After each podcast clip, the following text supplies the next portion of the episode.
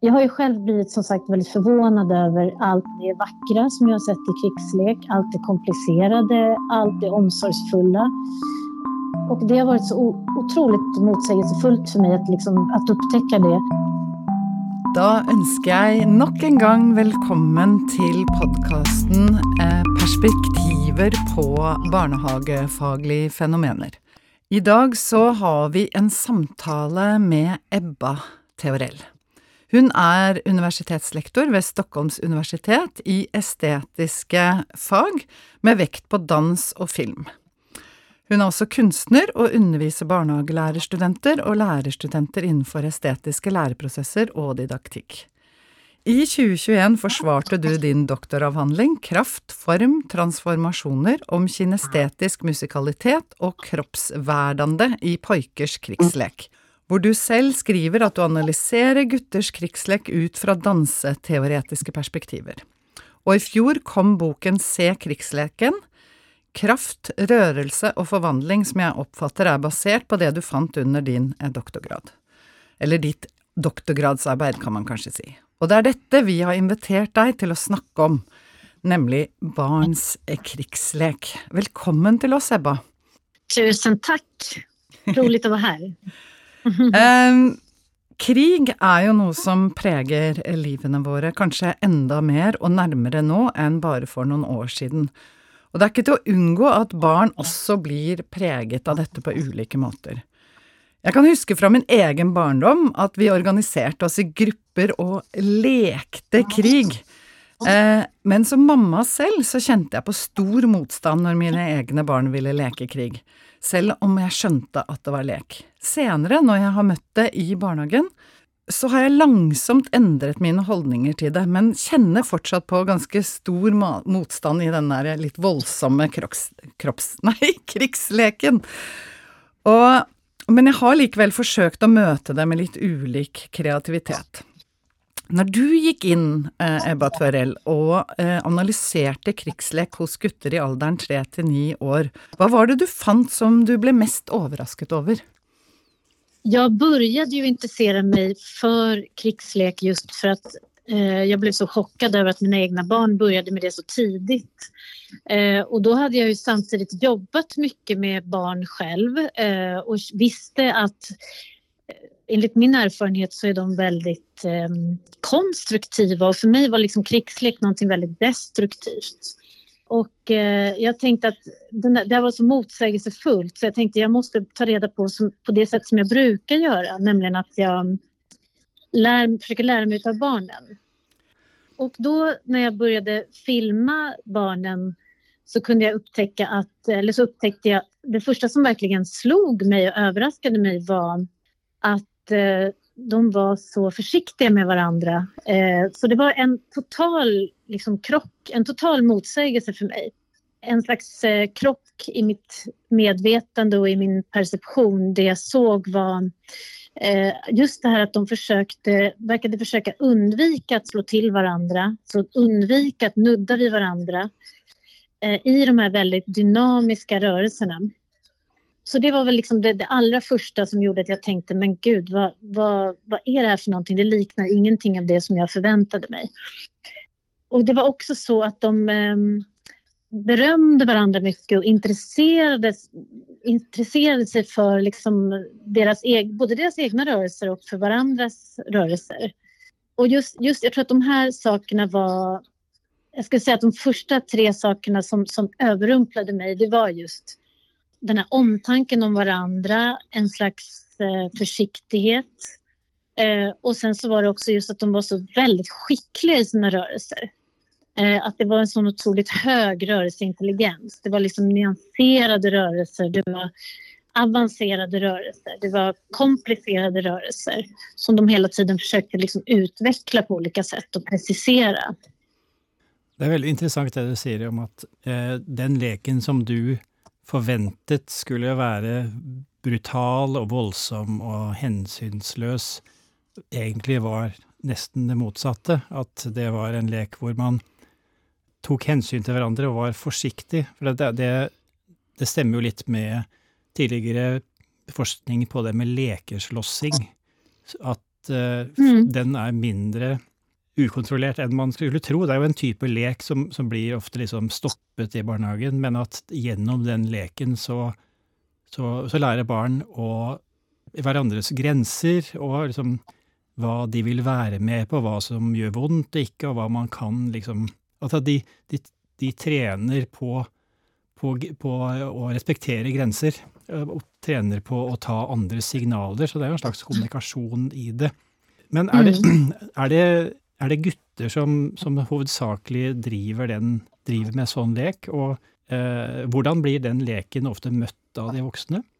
All forskning som jag har tagit del av i alla fall säger ju enstämmigt att det är mest pojkar som leker krigslek. Och eh, det, var därför också som jag bestämde mig för att bara titta specifikt på pojkar. Eh, därför att det är en så stor grupp pojkar som leker det här men också för att relationen eh, mellan vuxna och just pojkar eh, som leker krig är liksom lite mer komplicerad eh, än relationen mellan vuxna eh, och flickor som leker krig. Eh, jag upplever att det finns en mycket större tolerans för de få flickor som leker krig än eh, i allmänhet för pojkar som, som gör det. Eh, så därför tyckte jag att problematiken var mycket mer utmanande. Eh, just med det här, hur ser vi på pojkar? Hur värdesätter vi i sådana fall de här lekarna eftersom så många pojkar är intresserade av den här typen av lek. Eh, så hur bemöter vi den? Och det var ju det som jag upptäckte till min stora förfäran. Jag var ju själv en del av all den här misstänksamheten. Mm. Eh, jag hade själv en väldigt misstänksam blick på krigslekarna när jag började. Sen sakta men säkert så när jag liksom, ju mer jag lärde mig från barnen så förstod jag att det är inte säkert särskilt fruktbart att som vuxen ha den här väldigt fördömande, stoppande blicken utan snarare kanske vi borde intressera oss mer för vad barnen gör. Och jag har ju sett att jag tror att nya generationer tillför transformationer. Jag tror att de tillför ett undersökande som är på ett ganska djupt estetiskt plan. Det är ju gärna så att när, när ett barn plockar upp en, en, pinne i barnhagen, så blir ju det barnet mött... Alltså, om barnet då leker att det är ett svärd, så blir de vuxna mer, mer misstänksamma än om det barnet leker att det är något helt annat, en tryllestav för exempel. Denna, denna krigsleken, det ligger ju liksom i, i ordet varför man tänker att det är en negativ ting. Men sånn som Nina sa i stad, jeg husker også at vi lekte sånn da jeg var barn, og det handla jo mm. Det var mer en slags sport. Vi var ute i skogen, og vi liksom eh, spionerte på hverandre, og vi hadde det var liksom ikke det fysiske først og fremst som var det spennende med det. Min generasjon, vi, vi hadde jo også vi fikk jo inntrykk gjennom media av hva krig var, men det vi holdt på med var jo ikke en kopi av det. Vi etterlignet ikke den krigen vi så på TV. Men tror du det är något annat i vår tid? Alltså De barna som leker krigslek nu, är de påverkade av en annan... Kan de något mer om krig, eller kan de något mer om eh, våldsamheter än før? Blir de påverkade av det de eh, och ser runt sig? Ja, alltså jag tror att den här frågan är ju liksom jätte jättekomplex förstås och krigsleken som fenomen är ju ett väldigt, väldigt komplext fenomen. För jag skriver mycket om det också, att det, in, det berör så otroligt många fält i samhället och så otroligt många forskningsfält. Eh, det handlar både om liksom maskulinitet, det handlar om lek, eh, det handlar om rörelse, det handlar om perception. Eh, det är så otroligt många delar. Och jag tänker också att krigsleken som sådan är ju också väldigt, väldigt varierad och alla situationer ser ju förstås inte likadana ut. Och jag tror att ehm, vi lever ju i en så himla våldsam tid. Eh, det är både liksom flera pågående krig och vi har ju också, som ni har hört, mycket problem med gängkriminalitet och så i Sverige. Eh, så att det är på, liksom på alla plan ganska våldsamt och det, det är ju väldigt mycket som barn tar del av på media, i, i media och på sociala medier och så. Så att jag tror att man är väldigt, väldigt utsatt från alla håll för våldsamma tecken. Och det här är ju väldigt svårt för oss som vuxna att skydda barn från.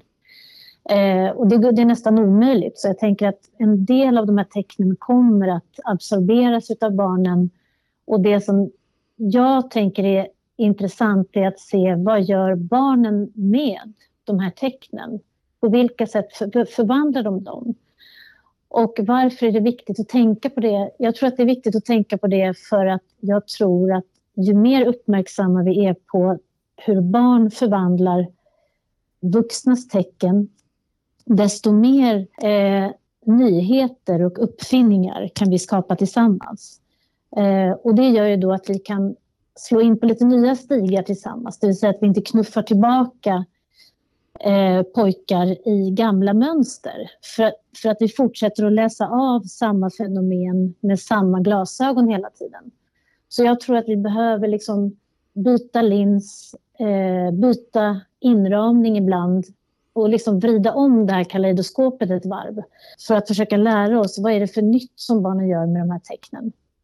Mm. Ehm, är, jag har varit inspirerad av eh, William Corsaro, eh, sociologen som ju pratar om lek, skriver om lekteori eh, och som pratar om det här begreppet interpretive reproduction, att barn omtolkar de här tecknen som, som vi kommunicerar till dem för att de ska passa deras egna angelägenheter på mm. olika sätt, där de befinner sig i livet. Och i oppfølging av det du sier nå, Ebba, så, så, så hopper jeg litt i, i spørsmålene her. Fordi at eh, ja. eh, du, du, eh, du, snakker om det med om, Eller du stiller et spørsmål om finnes det bra eller dårlig lek? Eh, og hvordan kan vi skille mellan det i barns krigslek, tänker du? Jo, jag, jag försöker ju um jag har ju själv blivit som sagt väldigt förvånad över allt det vackra som jag har sett i krigslek, allt det komplicerade, allt det omsorgsfulla. Och det har varit så otroligt motsägelsefullt för mig att, liksom, att upptäcka det. Eh, men samtidigt så vill jag vara jättenoggrann med att understryka att jag vill inte förenkla det här heller till att till exempel säga att det här bara handlar om dans, utan eh, jag tror att dans och rörelse är väldigt viktiga i krigslek. Eh, det kroppsliga lärandet är väldigt viktigt i krigslek. Men sen måste man ju tänka på att ehm, alla kontexter är liksom olika och att krigsleken kan se väldigt olika ut. Men det som jag vill lyfta fram då i min avhandling och i boken, det är just den här att som pedagog och förälder göra sig mer känslig för skillnaden mellan låtsasaggressivitet och riktig konflikt. Eh, så att den här låtsasaggressiviteten den finns ju väldigt mycket i djurriket också, vilket jag tycker är väldigt spännande. Som stora hundar som låtsas ramla för att små hundar inte ska bli rädda för dem. Och eh, mycket, vissa djur brottas tydligen mer än andra och så där. Så den här lekfulla, liksom, playfulness finns ju liksom både hos djur och människor. Eh, att på något vis skapa dynamik och intensitet i en lek på grund av att det finns en slags låtsashot som hänger i luften. Um, så att jag, tror, jag skulle inte säga, när jag hör den här frågan, jag har fått den ibland, finns det dålig och bra lek? Mm. Eh, då blir mitt omedelbara svar eh, nej. Jag mm. tycker, liksom att, jag tycker inte man riktigt kan skilja på det så, men jag tror att vi ofta gör det. Så det är ändå en bra fråga. Jag tror att vi ofta premierar stillsam lek och så, för det passar oss bättre. Oss vuxna. Mm. Det er jo å stille opp et dikotomi som kanskje Altså en motsetningspar som kanskje ikke er så veldig produktivt, da, egentlig. Ikke sant? Sånn at eh, sånn, at sånn sett så, så, så, blir det jo kanskje en bra eh, fråge, eh, spørsmål, for at vi skal kunne få fram kompleksiteten. Men, men, eh, det er jo utrolig mye imellom der, vil jeg tro. Sånn at, mm. Eller det er det jo. Mm. Så, så, mm. så, det er fint at du nyanserer det. Altså, I hvilken grad tenker du at det er viktig at barn får leke eh, krig, krigsleker, Eh, bevege sig eh, på denna måten? Ja, alltså um, Jag har ju då tittat på ganska små barn Eh, och jag stoppade medvetet liksom uppe där vid nio års ålder för jag tänkte sen börjar det nog bli mer och mer datorer och fysiken, kroppen ändras, det kanske blir mera eh, det kanske, de kanske börjar leka på ett annat sätt, tänkte jag. Eh, så jag liksom har ju tittat på ganska små barn. Och ehm, jag tänker så här, eh, och det här tycker jag är jätteviktigt. Små barn, och kanske då särskilt pojkar, börjar i förskolan. Eh, då tänker jag att det är väldigt fint om de kan mötas av intresserade, varma, generösa lärare som eh, inte säger här leker vi inte krig eh, per automatik. Utan att man kanske träffar lärare som, som är intresserade av eh, vad man gör, hur man gör det, eh, som ställer frågor, som samtalar och som tillåter rörelse, tänker jag. För jag tror att det här med att vi lever i en tid på något vis där människor är rädda för att tappa kontrollen hela tiden. Vi är liksom rädda för kaos och rörelse tror jag hör ihop med det. Och rädsla för rörelse. Och när man då som liten person börjar eh, i förskolan och hela tiden får höra att man ska sitta still eh, och man får inte leka vissa lekar och man får inte låta. Då tror jag att vi riskerar att, att alienera vissa barn från våra gemenskaper. Det är därför jag tror att den här frågan egentligen är vikt, mer viktig än vad vi tror kanske. För att jag tror att om små pojkar redan i förskolan möter pedagog, både pedagoger och föräldrar som säger de här lekarna är dåliga, de är inte bra, Eh, det finns ingenting intressant i dem, eh, sluta. Och, eller till och med då att det är totalförbud som det är på många förskolor och skolor, i alla fall i Sverige. Eh, för den här typen av lekar, då tror jag att vi riskerar att alienera pojkar så att de, de slutar kommunicera med vuxna, de känner att de inte har något att tillföra och så där. Så jag tror att istället att man ska se vad finns det i de här lekarna? Vad finns det för olika dimensioner för oss som vuxna att ta fasta på? Den leken eh, den kräver ju en del kommunikation mellan, mellan mm. barnen. Men eh, så du, eller har du tänkt noe over hva med de barna som ikke forstår reglene, eller ikke forstår liksom samspillet i den typen lek. For du, du, du, har, du nevner at de barna som, som lekte krigslek på en god måte, de var veldig sånn oppmerksomme på hverandres signaler osv. Men, eh, men kan det hende at også at barn ikke forstår de reglene, og at det er da den typen lek blir eh, negativ? Ja, som sagt, jag, jag har ju eh, de barn som jag har träffat, jag har liksom inte sett det. Och jag är lite förvånad över att jag själv sitter här och säger det. För jag, när jag får den frågan, eh, jag får den frågan så ofta om just det här att händer inte att det spårar ur och sådär. Och jag har liksom inte sett det. Men jag tänker däremot att alla lekar kan ju spåra ur. Eh, och det är ju också någonting som jag har sett i en del forskning att det är inte vanligare att krigslek spårar ut än att andra lekar spårar ur. Eh, mm. vilket jag tyckte också var väldigt intressant. För det, man tror ju att det ska komma närmare till hands. När man, men, men det kan ju säkert se olika ut. Men jag skriver om det i något avsnitt, både i avhandlingen och boken tror jag. För att kunna delta i så här väldigt fysiskt krävande eh, lekar så måste man vara liksom otroligt lyhörd. Och det här är ju också så otroligt motsägelsefullt för man har sett, ofta tror jag, på krigslek som någonting som bråkiga barn vill ta del i. Eller som bråkiga barn blir bråkigare av. Men att det här, tänker jag, kan också finnas en motsägelse för det verkar ju som att väldigt mycket av den här leken kräver att man är väldigt lyhörd och man, att man också finslipar sin lyhördhet inför varandra. Så att det, på, det pågår en slags preciserande, en slags lyhördhetsträning i de här lekarna. Jag kallar det för kinestetisk muskalitet mm. som en del av det här undersökandet. Där, och, i den, och i den muskaliteten så ingår att lyssna in varandra och att lyssna in platsen också till exempel. Så det är liksom, man lyssnar in hela sammanhanget där. Och eh, så som jag har beskrivit det så har jag tänkt att barn som inte riktigt är känsliga för de här reglerna ofta inte heller blir inbjudna till att leka den här typen av lekar. Därför att så fort du, om du får en riktig smocka så tar leken slut. Eller du ramlar ut ur lekramen. För, för jag förstår att spørsmålet mitt var egentligen, jag har ju akkurat de samma fördomarna antagligen som, som alla i, i barnhagen. För att det tilsynelatende, sett utifrån, så ser den leken både mer risikabel ut og mer ukontrollert ut enn hvis et barn sitter og leker med tog eller klosser eller, eller biler. Eh, og mm. man tror da at det her er det ingen regler, her kan alt skje. Her er det litt for mye mm. store bevegelser, her er det litt for mye energi.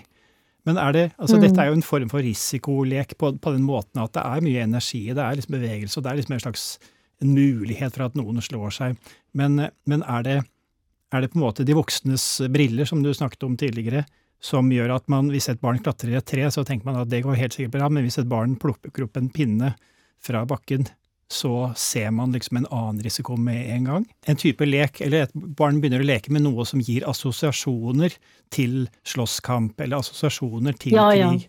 At da at ja. voksnes på en måte fordommer, så, sånn som det egentlig jeg hadde i, i spørsmålet mitt, at da kobles det inn veldig fort. Jeg, jeg tror at jag har ju själv alltid avskytt krigslekar. Jag har själv alltid försökt att stoppa alla barn jag har träffat från att leka krig. Så att jag är verkligen en person som har gjort en jättestor resa själv. Så det är inte så att jag tycker att det är konstigt att man vill stoppa krigslek, för jag tror att det är helt naturligt. Men däremot så tror jag att man kanske kan börja med att försöka se, att inte försöka stoppa krigslek så mycket per automatik, som du säger. Att man så fort man ser att det ens är på gång. Det är nästan precis det där momentet som du beskriver, att man ser att något barn plockar upp en pinne och då är läraren redan där. Jag tänker att om vi kanske kunde avvakta lite och lära oss lite först, vad är det, vad är det barnen gör? Och egentligen så är det så, kan jag avslöja i er podd här, att jag tror att det här är mycket, mycket, mycket större. Jag, jag tonar hela tiden ner det som jag har sett. Men egentligen tror jag att det här är ett, ett, det är bara toppen av ett isberg och jag tror att jag har kommunicerat bara en liten del av det som jag egentligen har sett också för att jag men egentligen är det här liksom någonting fantastiskt som barnen gör. Eh, och jag känner att jag har precis bara liksom öppnat en liten dörr ut i ett annat sätt att se på det här. Men, men jag förstår, jag tänker att det är helt naturligt att man eh, eh, som vuxen, som förälder och pedagog får den reaktionen. Det är en instinkt. Ser vi någonting som liknar fara så vill vi ju skydda barnen från det. Och det är ju en bra instinkt. Men just det här, därför tänker jag att jag vill försöka vara så nyanserad som möjligt och säga att just försöka se, att lära sig lite grann att inte vara så rädd för den här, att den här typ, att vi leker med den här typen av uttryck. Att vi leker med hotfullhet, att vi leker med risk. Utan att istället försöka se kan vi se nya saker som barnen tillför. Så att jag tror, där finns en slags nyckel alltid för mig som jag tycker att jag landar i. Och det är att, jag, menar, jag har ju hållit på med de sakerna så länge men om man är lite ovan vid det här så tänker jag som pedagog att man kan förhålla sig till mina tankar på det sättet att man börjar åtminstone tillåta lite mer rörelse och att man blir mer intresserad av rörelse och att man inte bara för att, det, bara för att barnen signalerar någon slags traditionell superhjälte dimension att man direkt stoppar det per automatik utan att man kan för en sekund intressera sig och lyssna. Och skulle det vara någonting som man tycker är obehagligt så måste man ju såklart gå in. Det är ju inte heller så att jag säger att man aldrig måste stoppa krigslek utan ibland kanske man måste göra det. Jag har ju både dykket ned i avhandlingen din och, och läst eh, faktiskt hela, hela boken din, eh, Ebba. Jag, har varit väldigt jag har djupt fascinerad och, och, och syns att det är eh, den har lärt mig eh, mycket som gör att jag i ännu större grad tänker att jag i möte med barn vill bli mer upptatt av barns eh, bevegelser, Då. Och det, det, snackar du ju mycket om, Och, och du illustrerar det också i, i, i både avhandling och bok, och, och, och, beskriver det som estetiska dimensioner. Och det att lära sig att skruva på det blicket tror jag kan være, eh, være veldig viktig. Men hvordan tenker du at vi kan bli bedre til å formidle disse perspektivene til eh, pedagoger, eh, kanskje til og med foreldre, ikke sant? Eh, mm. For at vi skal eh, ha en litt mer tillåtende, eller altså en litt mer tillatt holdning til dette med krigslek? Jag tycker det är en jätte, jätte, jättebra fråga. Jag tror att det här med att vara mer uppmärksam på perception är en bra ingång. Eh, det vill säga, vad är det som gör att vi så omedelbart avfärdar vissa saker och så omedelbart accepterar andra? Eh, och jag försöker skriva om det här också, hur vi som vuxna kan ju bråka med den här perceptionen eh, genom att till exempel då backa lite grann. Att vi kan liksom träda ur den här, jag beskriver det som en flockperception, mm. att vi är liksom i Wartowskis eh, begrepp då, som flockperception, att vi liksom är förankrade i någon slags kulturellt arv i hur vi uppfattar saker. Mm. eh, och för att ta oss ur det och börja se med nya, på nya sätt och vrida om det här livskaleidoskopet ett varv, eh, så tror jag vi mycket ligger, liksom, nyckeln ligger på något vis i, i intresse för nya generationer. Och att försöka... I det här fallet så har jag till exempel då skiftat perspektiv. Och jag fick hjälp av en scen där jag såg mina egna barn leka i en park, men jag satt långt ifrån dem. Eh, de lekte Star Wars med några kompisar och så satt jag väldigt långt ifrån dem så jag såg dem men jag hörde inte ljudet. Och det var då den här sprickan i min perception öppnades. För det var då jag började se rörelserna mycket mer. Mm. När jag inte försökte stänga av deras ljud som kan ju vara ganska invaderande, ljudeffekter och utrop och så. Så, så där, där tror jag att man kan som vuxen försöka vara vaksam med det där. Liksom, vad är det jag ser? Vad är det som är invant? Vad är det egentligen barnen säger? Vad är det egentligen barnen gör? Eh, och jag tror ju att det poetiska, estetiska genomsyrar nästan allt på ett sätt som inte handlar om bara skönhet, skönhet utan mycket mer... Jag tror skönheten är viktig men jag tror också att det estetiska perspektivet är väldigt grundläggande mänskligt. Eh, redan från det att vi föds, att vi kan eh, rytm, vi kan känna skillnad i dynamik i olika atmosfärer, våra förnimmelser på olika sätt. Mm. Så därför tror jag att, att ja, om man tänker på estetik ur det sinnliga perspektivet så blir det väldigt fundamentalt för att vara människa helt enkelt. Och då är det viktigt till exempel om det är så mycket estetiska dimensioner som uttrycks i krigslek, att inte vi eliminerar dem och liksom inte låter barnen undersöka dem. Och att vi inte ser något som helst värde i det. Jeg tror vi eh, avslutter med de eh, flotte ordene der, eh, Ebba Theorell. Og vil bare takke deg masse for at du kom i vår podkast. Tusen takk for at jeg fikk komme. Takk snälla. Og dette er Perspektiver på barnehagefaglige fenomener. Og i studio i dag så har vi Øystein Skundberg. Og Nina Odegaard. Og hvis du blir interessert i podkastens episoder, så finnes de på Spotify, Soundcloud i transistor och du kan följa oss både på Facebook och på Insta.